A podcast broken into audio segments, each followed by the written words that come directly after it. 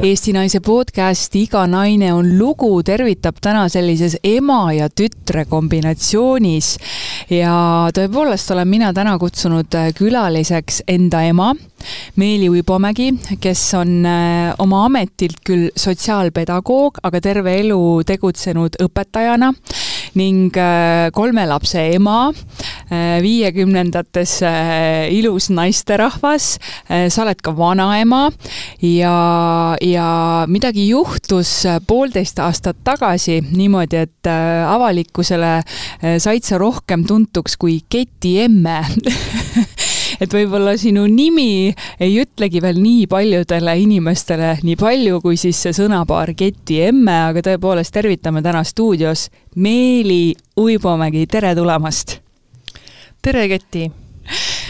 no vaatame siis, kuidas me selle huvitava sümbioosiga siin täna minema hakkame, et äh, ma ei, ma ei teagi, kas on Eestis äh, neid äh, naisi, kellel on õnnestunud intervjueerida enda ema tuleb sul endal mõni meelde praegu, kui sa mõtled, oled kuulanud kunagi? Mm, ei, praegu küll ei tule nii ruttu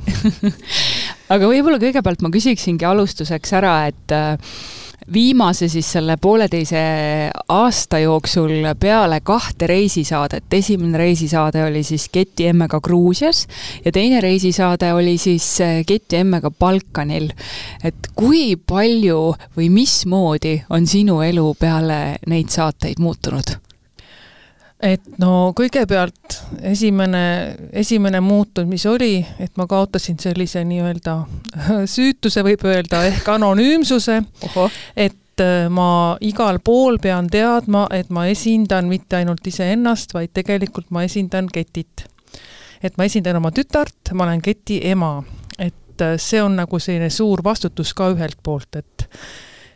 et äh, kõik, mis ma teen või kõik, mis ma räägin või ütlen, siis äh, mitte ainult ma ei esine siis Meelina, vaid tegelikult ma olen keti ema, ehk siis see võib sulle tuua ka kaasa mingisuguseid mõjusid või mingisuguseid küsimusi või, või midagi sellist. oskad sa mõne näite tuua igapäevaelust, et äh, kui, kui ma ei tea, kas küsitakse minu kohta mingisugust spetsiifilist või isiklikku infot või mida sa silmas pead? ei no näiteks selline juhus, põnev no, juhus nii. oli tulin mina kiirelt õhtul, talveõhtul pimedas mööda Tartu maanteed. kõnnin, et minna sõbrannaga kinno. ja kuskil bussijaama juures siis lihtsalt jõudsin järele ühele härrasmehele, kes oli natukene ka selline kergelt napsune. Ja tema, kui ma temaga kohakuti jõudsin, hakkas rääkima, ütles, et küll on igav tee siin, nii pikk ja igav tee. Ja kuna ma olin seal üksinda, meie ümbruses kedagi ei olnud, ma ütlesin jah, on ja igav. Ja hakkasime koos sammuma täiesti võõras inimene. täiesti võõras inimene, ei vaadanud me otsa talle, ei tema mulle, muudkui sammume koos, tema siis kiirendas sammu minuga. ja muudkui arutasime kõik maad ja ilmad ära ja ja, ja jõudsime siis sinna Stockmanni juurde hmm, valgusfoori juurde ja no pidime seisma, punane tuli oli ja siis nagu, siis ta kuidagi nagu keeras minu poole ja ütles, et et tead, et sa oled nii keti ema häälega nii, ma ei teinud esialgu nagu väljagi, libistasin mööda, ütlesin talle veel paar lauset ja siis ta ikkagi taga, et kuule, oled või, et, et sa oled nii keti, ma ütlesin, nojah, olen jah. Muidugi tal oli väga hea meel, ta oli suur meie saate fänn ja, ja minul, minul ma ei tea, kui hea meel nüüd või mitte hea meel, aga no ühesõnaga siis oli meil see vennastumine seal veidi aega, nii et me läksime koos edasi, siis ta rääkis sellest saatest, küsis, kuidas mul jalaga lugu on, et kas jalg on paranenud ja tema oli siis ka Haapsalust, ma tervitan, kui ta praegu seda kuuleb, ma nime küll kahjuks ei mäleta, aga, aga väga selline tore fänniga kohtumine oli. see on, see on selles mõttes vahva lugu, et ma ise pean ka ütlema, et ähm, kui ma olen mingis mööblipoes käinud või kusagil inimesed tunnevad ära, siis, siis minu käest küsitakse tegelikult esimese asjana, et kuidas su emal läheb ja palun tervita oma ema. et ma sain äh, esimest korda tunda, et mida, mida võiks see üldse tähendada, kui lähedane inimene on avalikkusele ka tuntud või kuidagi, kuidagi nii-öelda huviorbiidis. aga mis veel, tunned sa, et sellist nagu lisavastutust äh, nagu iseenda peal, lisaks sellele, et sa esindad justkui ka mind, et, äh, et need silmapaarid on nagunii alati su peal olnud ju, kuna sa oled terve elu õpetaja olnud väikelinnas, eks ju, aga tunned sa veel mingit niisugust väikest lisapinget istub sul kuklas kuidagi? No vaata, just see ongi, et kuna ma olen olnud eluaeg ikkagi koolis töötanud ja õpetaja olnud, et, et siis natukene see kuulsaks olemine nagu võrdsustub küll selle meie ametiga, et, et ju nii palju inimesi, kes siis tunnevad õpetajat, teavad, kes vaatavad natuke kriitilise pilguga, vaadatakse, mis sul ostukorvis on, vaadatakse, mis sul seljas on, sest sa oled ju õpetaja. ja, ja midagi analoogset on ka praegu, aga aga selle anonüümsuse koha pealt jah, et kui ma kolisin Tallinnasse ära väikelinnast, siis äh, ma tundsin ennast üsna hästi et ähm, noh, et keegi mind ei tunne või, või noh, et ühesõnaga kuidagi anonüümsus oli nii hea ja vabadus oli nii suur. ja noh, see läks pauguga muidugi, kui see saade tuli, et, et, et see küll juhtus, jah. miks sa üldse nõus olid äh, tulema kõikide inimeste kodudesse läbi televiisori ja seda kahel korral? No kui laps kutsub midagi põnevat tegema, no milline ema see siis keeldub, on ju, noh ikkagi lapse heaks kõik. kui laps oma tööga ise üksinda hakkama enam ei saa, siis tuleb emal see pool tööd ära teha nagu ikka käib mm,? Äh, vaatajad ja kuulajad äh, nii palju võib-olla ei ole kursis sellega, aga, aga tegelikult ei ole sul ainus tütar mina, vaid sul on kaks tütart veel. ja, ja kõik sinu kolm tütart kokku on hästi erinevad inimesed, mina olen hästi palju avalikkuse eest äh, ees, siis kõige vanem tütar on pigem ka selline mm, omaette tegutseja, ei soovi seda avalikku tähelepanu,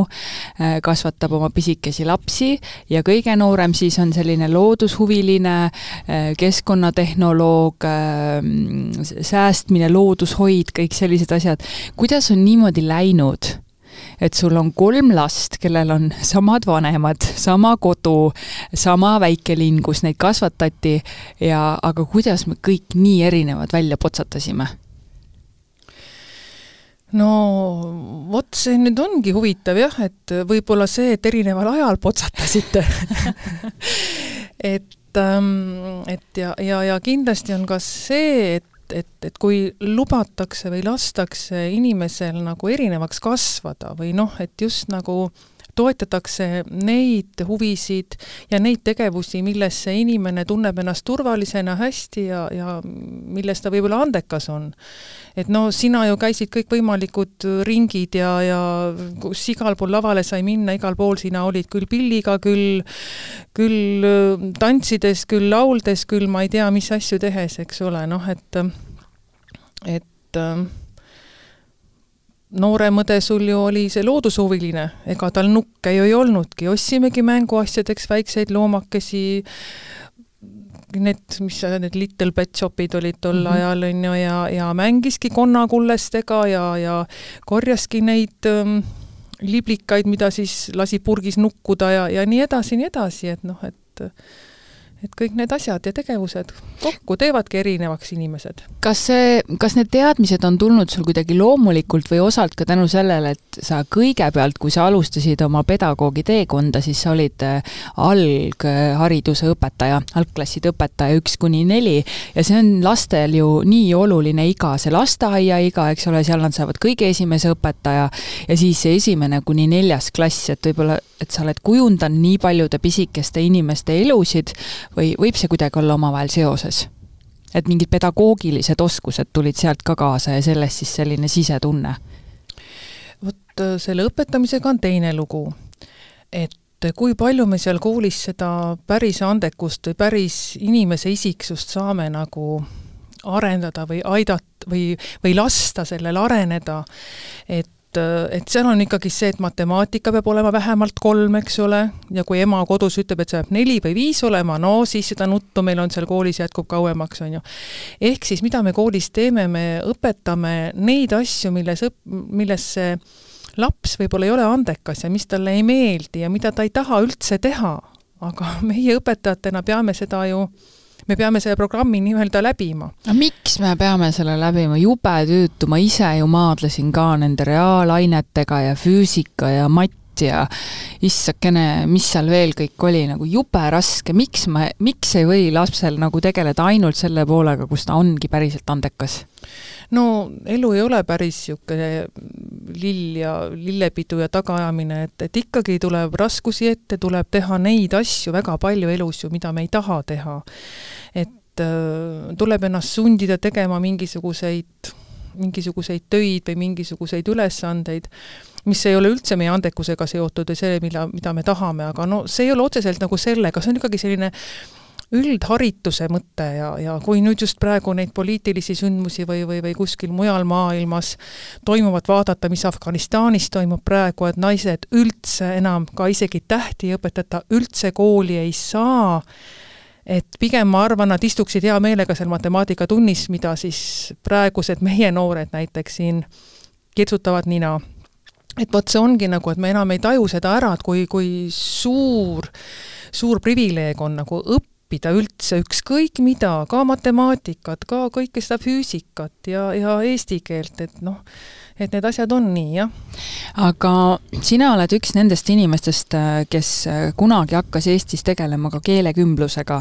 et sa, sa paranda ja pane mulle juurde neid õigeid äh, tiitleid, aga täna on jälle see keelekümbluse küsimus hästi aktuaalseks läinud ja kas see oli üheksakümne viiendal aastal või oli see üheksakümne kuuendal aastal, see oli üheksakümmend viis? üheksakümmend neli. üheksakümmend neli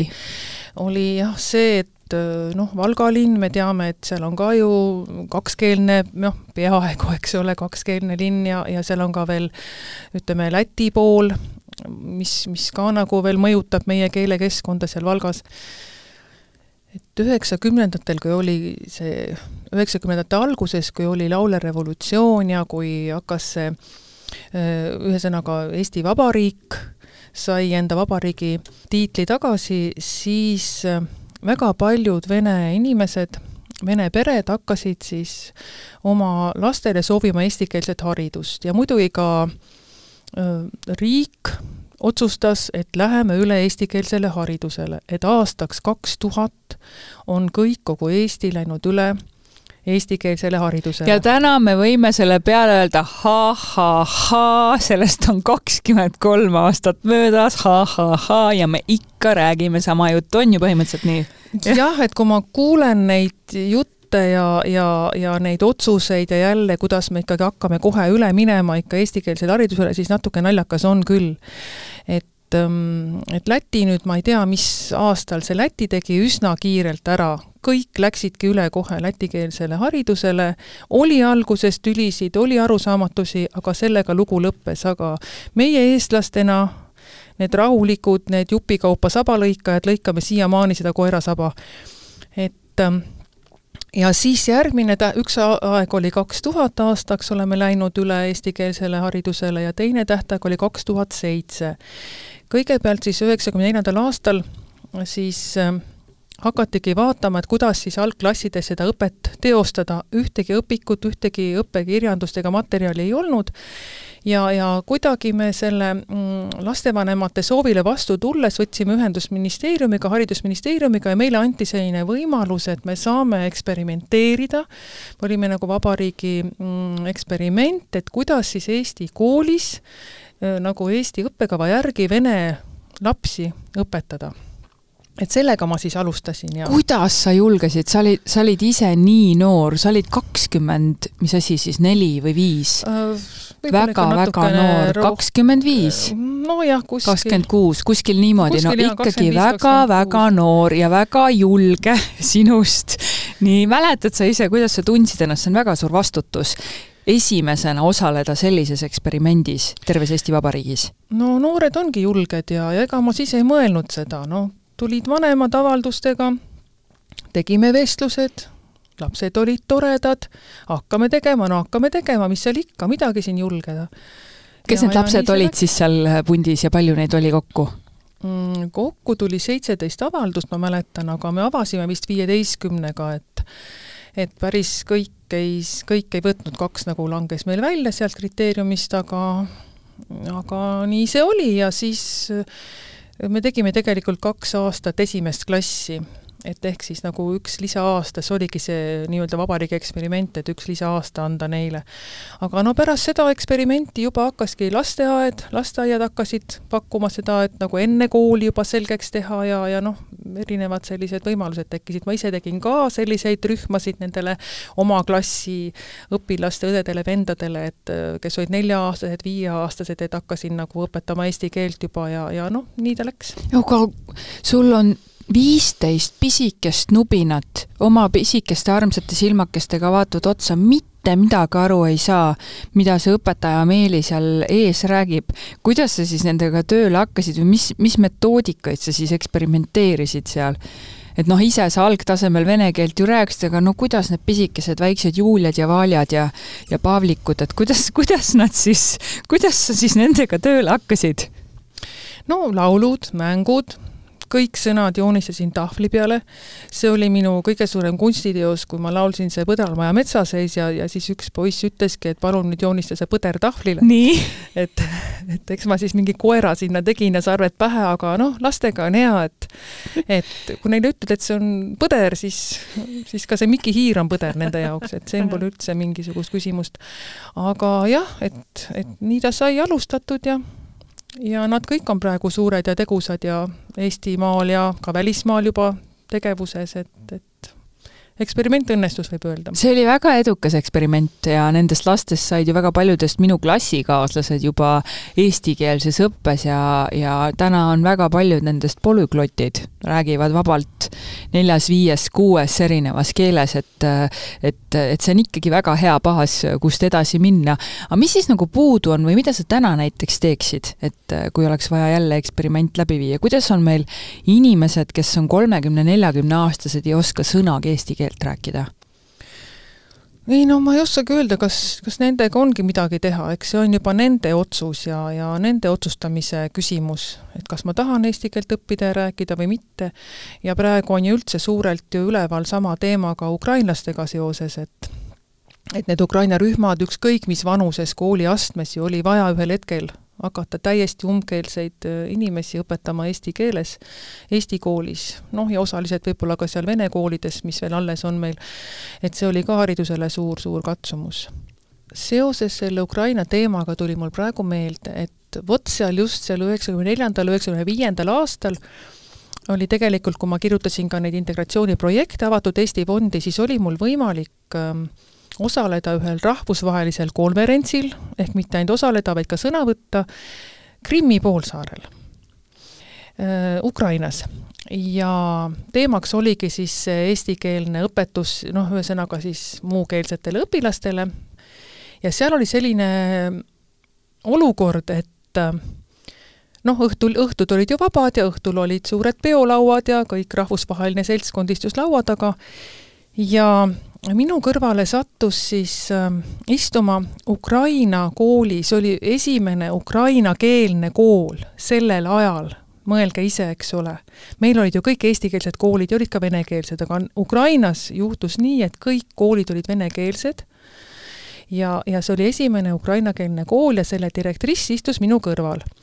ja küsis, sest ma olin juba ettekande ära teinud päeval, et kuidas, et tema on ikka mõelnud, et kuidas eestlased suutsid oma keelt säilitada, sest me olime ju kõik ühes riigis, ühe võimu all, ja, ja mina siis mõtlesin ja vastasin, et, et noh, tähendab, mis teid aitas nagu selles ja kuidas te saite nagu selle. ja mina vastasin talle, et see on vihkamine. ja ma seletasin ka talle lahti, eks ole, et, et noh, et eestlased on, et noh, nad ei andestanud seda ikkagi, et, et see see pealesurutud olukord, nagu meil siin oli ja Vene võimu all olek ja, ja, ja tema mind ei mõistnud, ta jäi mind sellise näoga vaatama, ma mäletan siiamaani seda nägu, et ähm, et te olete ikkagi väga imelikud, kui see tõsi on, eks ole. ja, ja et näed, et siin ma istun üle laua, on siin saksa härrad, meie küll ei vihka sakslasi. No ega siis meie ka ju venelasi ei vihka, see oli hoopis teine asi, eks ole, mida ta küsis, aga noh, tema nagu võttis seda hästi lihtsalt, et näed, et me oleme noh, et meie küll ei vihka aga ja see, see lugu tuli mulle meelde nüüd, kui siis Venemaa ja Ukrainaga juhtus siis noh, nüüd peaaegu aasta tagasi juba, või ta, ongi aasta, ongi ju. ongi. et aasta tagasi, et, et kui me nüüd räägiksime sellest, et siis oleks vist äh, natukene arusaamine teine. ja ma just eile või üleeile kuulasin või noh, mingil päeval kuulasin äh, mingisugust uudisprogrammi ja seal oli üks poliitik, rääkis ka, ta tuli Ukrainast ja ütles, et ta märkas seda, et Ukrainas neid äh, Vene venemeelsust ühesõnaga, kõik võetakse maha, need vahetatakse välja ukrainakeelsete vastu, need, need sildid ja nimetused ja sümboolikat, nagu meil ju viidi ära siin ju kas või see skandaal Aljošaga, mis meil siin oli, eks ole. et ähm, siis mul tuli jälle see meelde, et, et nüüd nad nagu võib-olla mõistavad teistmoodi seda, et, et mis see nagu viha või vihkamine siis on või, või kuidas seda säilitada paremini, seda oma kultuuri, oma keelt, et jah, et ka vihal on suur jõud ja noh, eestlastena teame, et me sellised jonjakad oleme ja rahulikud ja tuimad ja jonnakad ja ja vihased ka veel. sa oled selles mõttes siis õigesse kohta oma selle viha kanaliseerinud või kanaldanud, et suunanud, et vähemalt heade ja üllaste eesmärkide nimel, et et tänu sellele on Eestis eestikeelne haridus, sa oled üks see osakene sellest, on ju, et no ma, ega ma seda vihaga ei teinud. ei, mitte vihaga, ma mõtlengi, et, et ma lihtsalt, nagu ma tõin ühe näite, mis on jäänud mulle sellest ajast ja. meelde, lihtsalt see, see võrdlus, et, et kuidas nagu noh, et, et, et sa ei mõista enne inimest, kui sa ise nagu selles olukorras sees oled, et, et noh. täna on sellest äh, väga õige ju ka rääkida, sest et äh, meil on just ka ju vabariigi aastapäev ja täpselt aasta on sellest ajast, äh, mil Venemaa hakkas Ukraina vastu sõdima, et ähm, mis, mis saab, mis sa arvad, sa oled ise hästi tulihingeline Eesti patrioot, sa ise oled aidanud hästi palju Ukraina inimesi ja mis sina arvad, mis saab? No mis ma arvan, no ma loodan väga, et see sõda lõpeb ja, ja noh, imelik nagu öelda, aga, aga et, et lõpeb nagu ühe poole lüüasaamisega, ehk siis ukrainlaste võiduga, ma ikkagi loodan, et, et see asi niimoodi lõpeb. et Ukraina saab oma maa tagasi ja, ja saab jätkata oma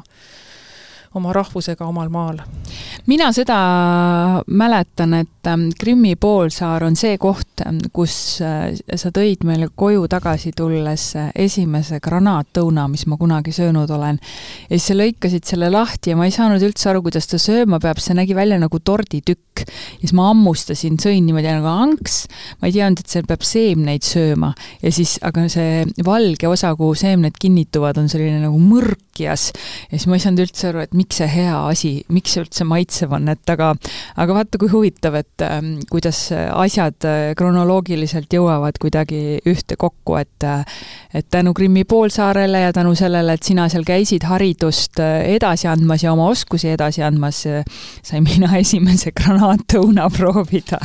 No näed. Kui me juba eesti keele peale läksime ja räägime kõigest sellest keele hoidmisest ja kultuurist, siis sa oled väga suur äh, raamatute lugeja. Ja, ja väga suur Harry Potteri fänn ka, et äh, oled see, kes on absoluutselt äh, kõik raamatud läbi lugenud, kõik filmid läbi vaadanud ja, ja lugemine on selline, selline tegevus või see on ka teatav oskus, mis hakkab vaikselt ära hääbuma, aga sina seda siiski teed. et äh, mida sa praegu üldse lugemas oled ja, ja miks sul meeldib raamatuid lugeda? ikka väga veider hobi aa see pigem on haruldane. ütleb mulle, et see on veider hobi. ei, see on väga hea ja kasulik hobi, aga, aga selleks peab olema järjepidev ja see on, see on väga hea, arendab keelt väga hästi. No eks see lugemine tuleb kuidagi kodust kaasa ma just praegu mõtlengi, et kui sina ütled, see on veider hobi ja et sulle see külge ei jäänud. on siis... jäänud loen, loen raamatuid, okay. aga see ei ole nagu, see ei tule nagu nii loomulikult, et ma pean ikkagi teadlikult ütlema, et nii, täna nüüd ma loen raamatut. et see niimoodi ei tule, et ma kohe automaatselt võtan raamatu, hakkan lugema no ma loen ilukirjandust palju, et, et see, millest sina räägid, on vist rohkem nagu kas erialast kirjandust või mingit vajaduspõhist, mis iganes noh, sul on, või mingit psühholoogilist materjali või õppematerjali, aga, aga mina nagu jah, just seda ilukirjandust nagu olen armastanud kogu aeg ja ja kui nüüd Harry Potteri juurde tulla, siis, siis jah, tõesti need seitse osa on mul kõik olemas kodus ja ma neid aeg-ajalt loen üle. Ja võtangi jälle esimese osa kätte ja loen kõik seitse osa läbi. ja miks see mulle meeldib, et äh, see on minu jaoks kõige parem pedagoogiline teos, kuna tegevus, kõik need leheküljed toimuvad ju koolis. ja seal on esi-, esindatud kõik õpetajate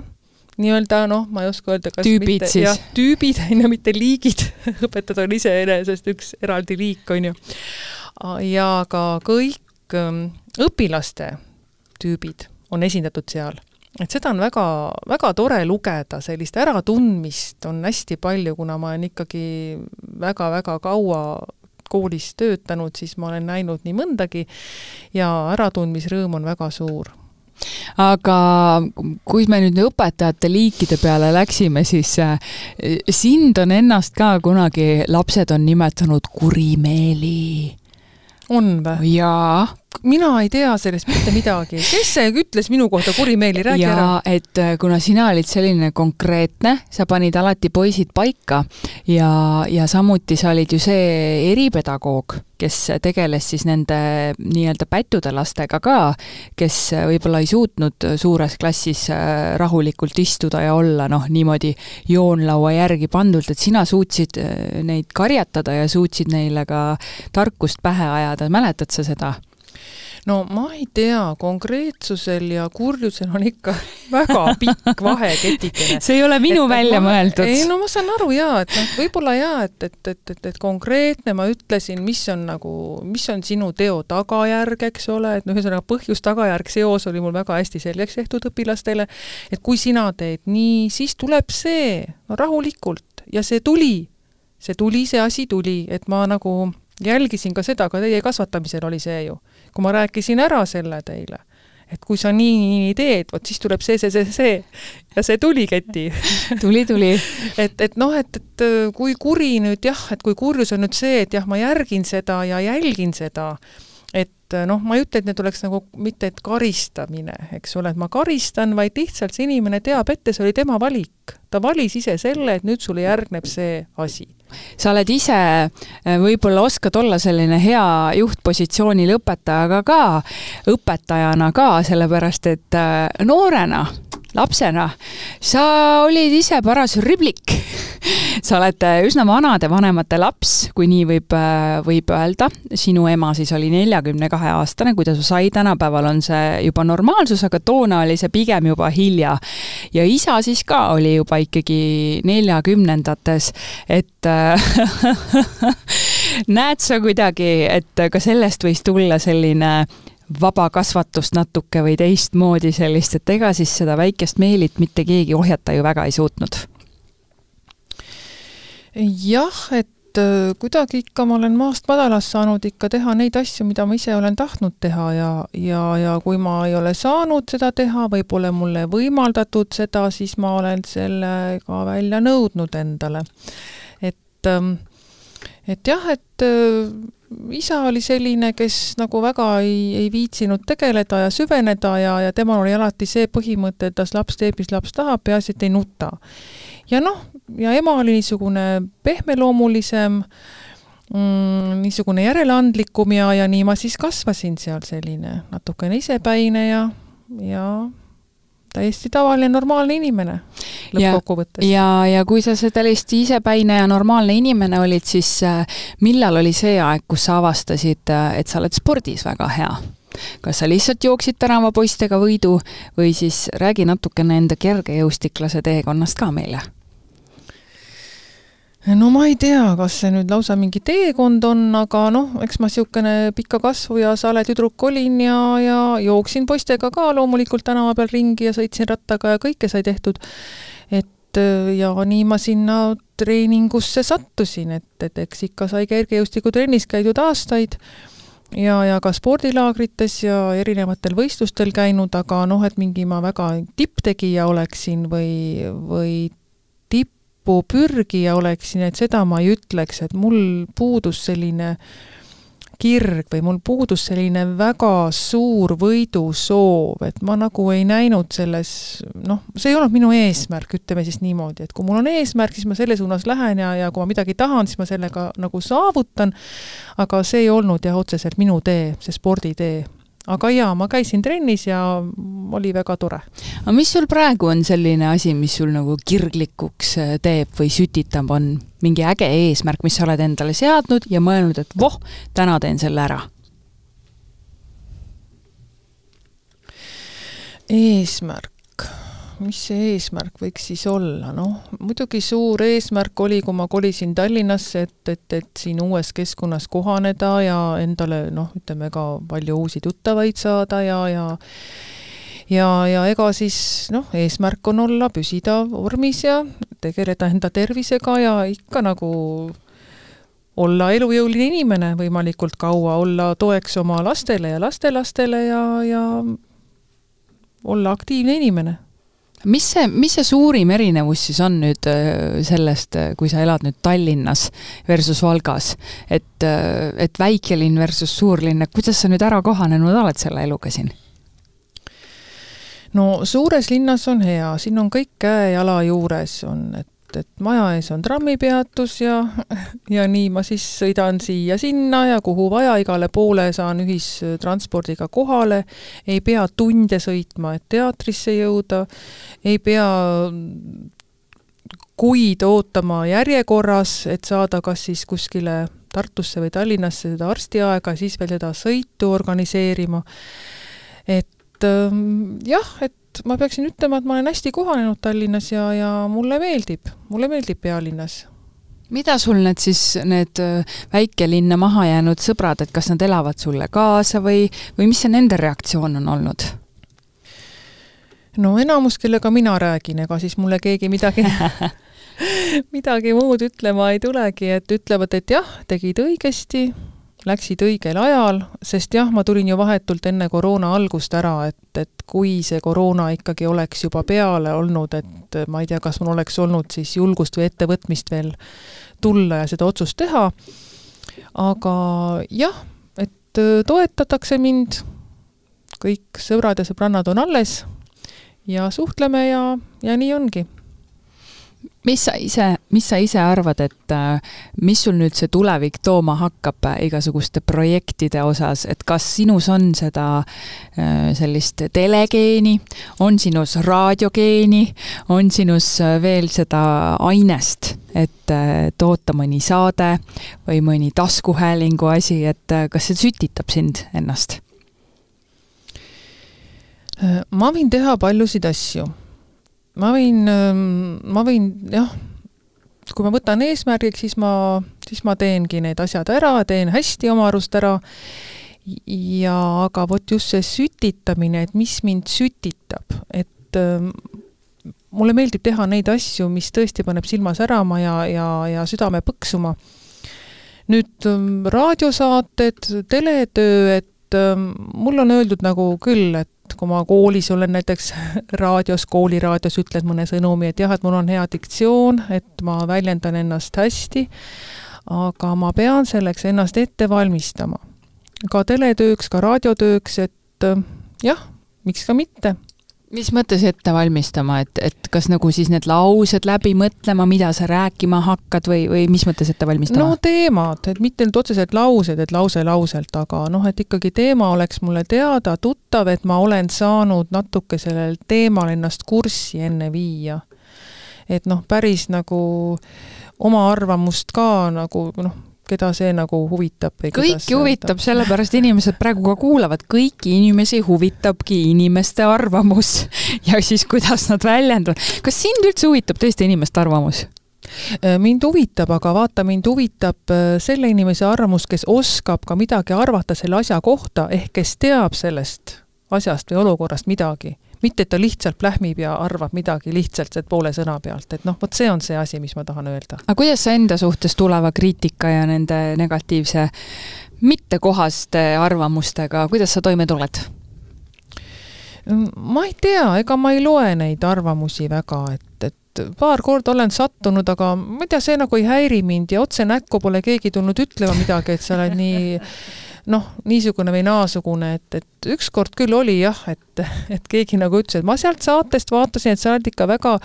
pirtsakas ja see nagu tibi et siis ma lihtsalt hakkasin naerma ja ütlesin, et noh, et inimesed käituvadki erinevalt ja et ma oma arust olen normaalne ja tavaline, aga et noh, et kui tema nägi minus tibi, siis noh, tema jaoks olin ma tibi seal saates. aga kui su laste kohta hakatakse kriitikanooli pilduma? Mm, ma hea meelega ka ei loeks neid. et ma ei, ma ei, nagu ei võta neid, ähm, neid nagu tõsiselt, et noh, mina ju tean, millised on minu lapsed ja ja kui head ja tublid nad on, et ähm, tähendab, kui ei ole nagu tõsi see, mis öeldakse, siis no miks ma peaksin laskma ennast häirida, et, et noh, ma olen ka ju teile öelnud seda, noh, nii-öelda oma lastele ju öelnud, et, et kas see siis on tõsi, et mis ta sulle, noh, mis, kes iganes ütles, et sa oled loll, nõme, paks, pikk, peenike, noh, mis iganes, eks ole, et kas see on tõsi või? no ei ole, no kui ei ole, siis miks sa seda usud, et noh, et sa ei pea nagu tõestama kellelegi, ainult iseendale, kui on, kui on vaja mulle oled sa väikesest peale korrutanud sellist asja, et, et äh, ole enesekindlam ja ole mitte enesekindlam, aga enesekindlam ja ole egoistlikum. ma nüüd ei teagi, kas see on mul õnnestunud või ei ole õnnestunud või siis ma kogu aeg otsin seda ja see, ja see mõte istub mul kuklas, mis sina arvad? no vot, see ongi nagu sa siin alguses rääkisid, et, et, et mul on kolm tütart, kõik on nii erinevad, järelikult tuleb ka erinevat juttu teile rääkida. et sinule ma jah, räägin seda praeguseni, ole enesekindlam ja ära kuula, mis teiste arvamus on jama ja sa ei pea kuulama, sa ei pea teiste järgi mitte midagi tegema. aga ütleme, sinu vanem õde, et Märitile ma ütlesin, et, et, et mõtle, mida teine tunneb. et, et arvesta teistega rohkem, vaata, et teistel ka hea oleks, et, et see ongi nagu, et kõik on erinevad ja vajavadki erinevat suhtumist ja, ja noorem õde samamoodi ju, et, et vajab vahepeal julgustamist, kui ta kardab seal, ütleme, inimeste, noh, tema tahab loomadega olla, tema tahab metsas käia, tema nagu ei taha rahvarohkeid kohti, et siis just nimelt julgustada seda, et et jah, see on tore, muidugi ole loomakestega ja ole metsas, aga lähme ikka sinna EFTA-le või, või kuskile suurele galale seda on hea kuulda. Ja, ja mulle tundub, et see kõigi kolme puhul äh, vähemalt toimib ka niimoodi. aga mis on need, äh, need laused, mida sulle võiks öelda, mida sina vajad, et enesekindlusest ilmselt puudu ei ole äh,, empaatilisusega ilmselt on ka kõik okei okay,, kuigi sa kirtsutad selle peale natuke silmi, et mida sa ise tunned, et võiksid arendada endas veel? kannatlikkust. Mm et äh, jah, et, et, et kui ma midagi nagu tahan või midagi näen, ma tahaks nagu kohe, et see kohe toimuks, ma tahan kohe seda lahendama hakata, kohe klaarima hakata, kohe midagi, et see kohe muutuks. see on ka teie puhul niimoodi, et kui mingi asi on, et ma tahaks kohe see lõpeks ära, et seda noh, et homme oleks juba kõik korras. et see natuke mul on, jah kannatlik see ja, ja see ei ole ajas paremaks läinud, kas see on läinud süvenenud ajas, see kannatamatus või? ei, see ikkagi on, ma olen ikkagi õppinud elus, elus palju et ma suudan ka kannatlik olla, noh, eks vanuse, vanusega ka lähed, muutud rahulikumaks, kannatlikumaks, aeglasemaks võib-olla. et, et see kõik on kasuks tulnud minu puhul küll. Ja võib-olla teine asi, et, et järjepidevus, et järjepidevalt ähm, mingisuguse ühe asjaga tegeleda, et, et et mul ka lapsena meeldis, küll ma käisin kokaringis, siis ma käisin trennis, siis ma käisin veel näiteringis ja ka seal laulu igal pool, eks ole, aga iga muusikakooli jätsin pooleli ja ja kokaringi jätsin pool, noh, ühesõnaga, et mul meeldis nagu erinevaid asju teha, aga ma nagu ei viinud neid lõpuni, et vot see lõpuni viimise mm, olen ma küll elu jooksul ära, ära õppinud, et, et ma ikkagi viin asjad lõpuni, ma jälgin seda, jah no selles mõttes oled sa oma töises mõttes plaanis küll olnud väga lõpule viia ju, et äh, väga pika karjääri teinud ja jätkad oma pikaajalist karjääri, oled suutnud kolm last üles kasvatada, samamoodi ju algusest lõpuni reisisaated ära teinud, et äh, mina julgeks küll panna sellise ilusa hinde viie siia nagu taha. mis hinde sa iseendale annaksid, kui me peame hindeid jagama? hästi tobe on see viiepallisüsteem, ma ei tea, kas täna koolis on ka, see on igas koolis vist erinev abc ja osades on üks kuni kümme, on ju. ja lastele pannakse üldse mingeid täppe täppe. mingid täppe täpi, või mingid kastikesed. täpisüsteemi, täpisüsteemiga ma ei ole kursis et kus neid täppe pannakse. aga endale, mis hinde, mille, mille osas? oma elu, kõik, mis sa oled teinud ja kuidas hakkama saanud äh,? Ma alati ütlen, ma olen andnud endast parima viis pluss. viis, viis pluss selles mõttes tõesti, et, et no mina olen andnud endast ju parima, eks ole, et noh, et nagu ma jah, teilegi olen öelnud, kui te olete vähemalt kriitikanooli visanud, eks ole, et miks sa nii tegid või, või miks sa meile nii ütlesid või, või, või, või ütlemata jätsid, siis ma ütlen, et teie tehke paremini. mina tegin kõige paremini. mina oma lastele tahtsin parimat, tegin kõik kõige paremini teie tehke paremini. no super, ma arvan, et siit äh, väga heade ja kõige paremate soovide juurest äh, ongi aeg äh, otsad kokku tõmmata. väga, väga veider on olnud ausalt öeldes intervjueerida inimest, keda ma tean terve oma elu. ma ei tea, kas, kuidas sul emotsioon oli, oli niisugune naljakas, kohmetu, veider, tore? No see oli natukene teistmoodi. See oli selles mõttes teistmoodi, et, et kui me oleme muidu koos intervjuusid yeah. andnud, siis nagu saame toetada üksteist ja kui jääd ühe vastusega jänni, siis teine nagu kuidagi midagi alustab vastamist ja siis kuidagi, et, et praegu nagu see selline et mina üksi nagu pean vastama sinu yeah. nendele küsimustele, mis sa sinna kõik ritta oled pannud ja välja mõelnud, et, et see veidi oli, aga eks sinul oli kindlasti endal raske mind intervjueerida, ma arvan, niipidi oli äh,? hästi selles mõttes nagu kuidagi kummaline oli, ma ei oskagi seda öelda, et ähm, ma, sa ei ole üldse lihtne intervjueeritav et äh, sa pigem ei ava ennast äh, nii kiiresti. Või siis, või siis on see, et, et meil on ikkagi selline ema-tütre barjäär on vahel ja seda lõhkuda ei ole võimalik, et meist ei saa sellist intervjueerija ja intervjueeritav äh, nagu sellist duot, mis on iseenesest väga hea ja põnev. ma ei tea, tehke järgi, proovige kunagi, kes tahab mängida, intervjueerige oma ema või ema intervjueerige oma tütreid või poegi. Igatahes Eesti naine podcast Iga naine on lugu ja meiega oli täna Meeli Uibomägi ehk siis Keti emme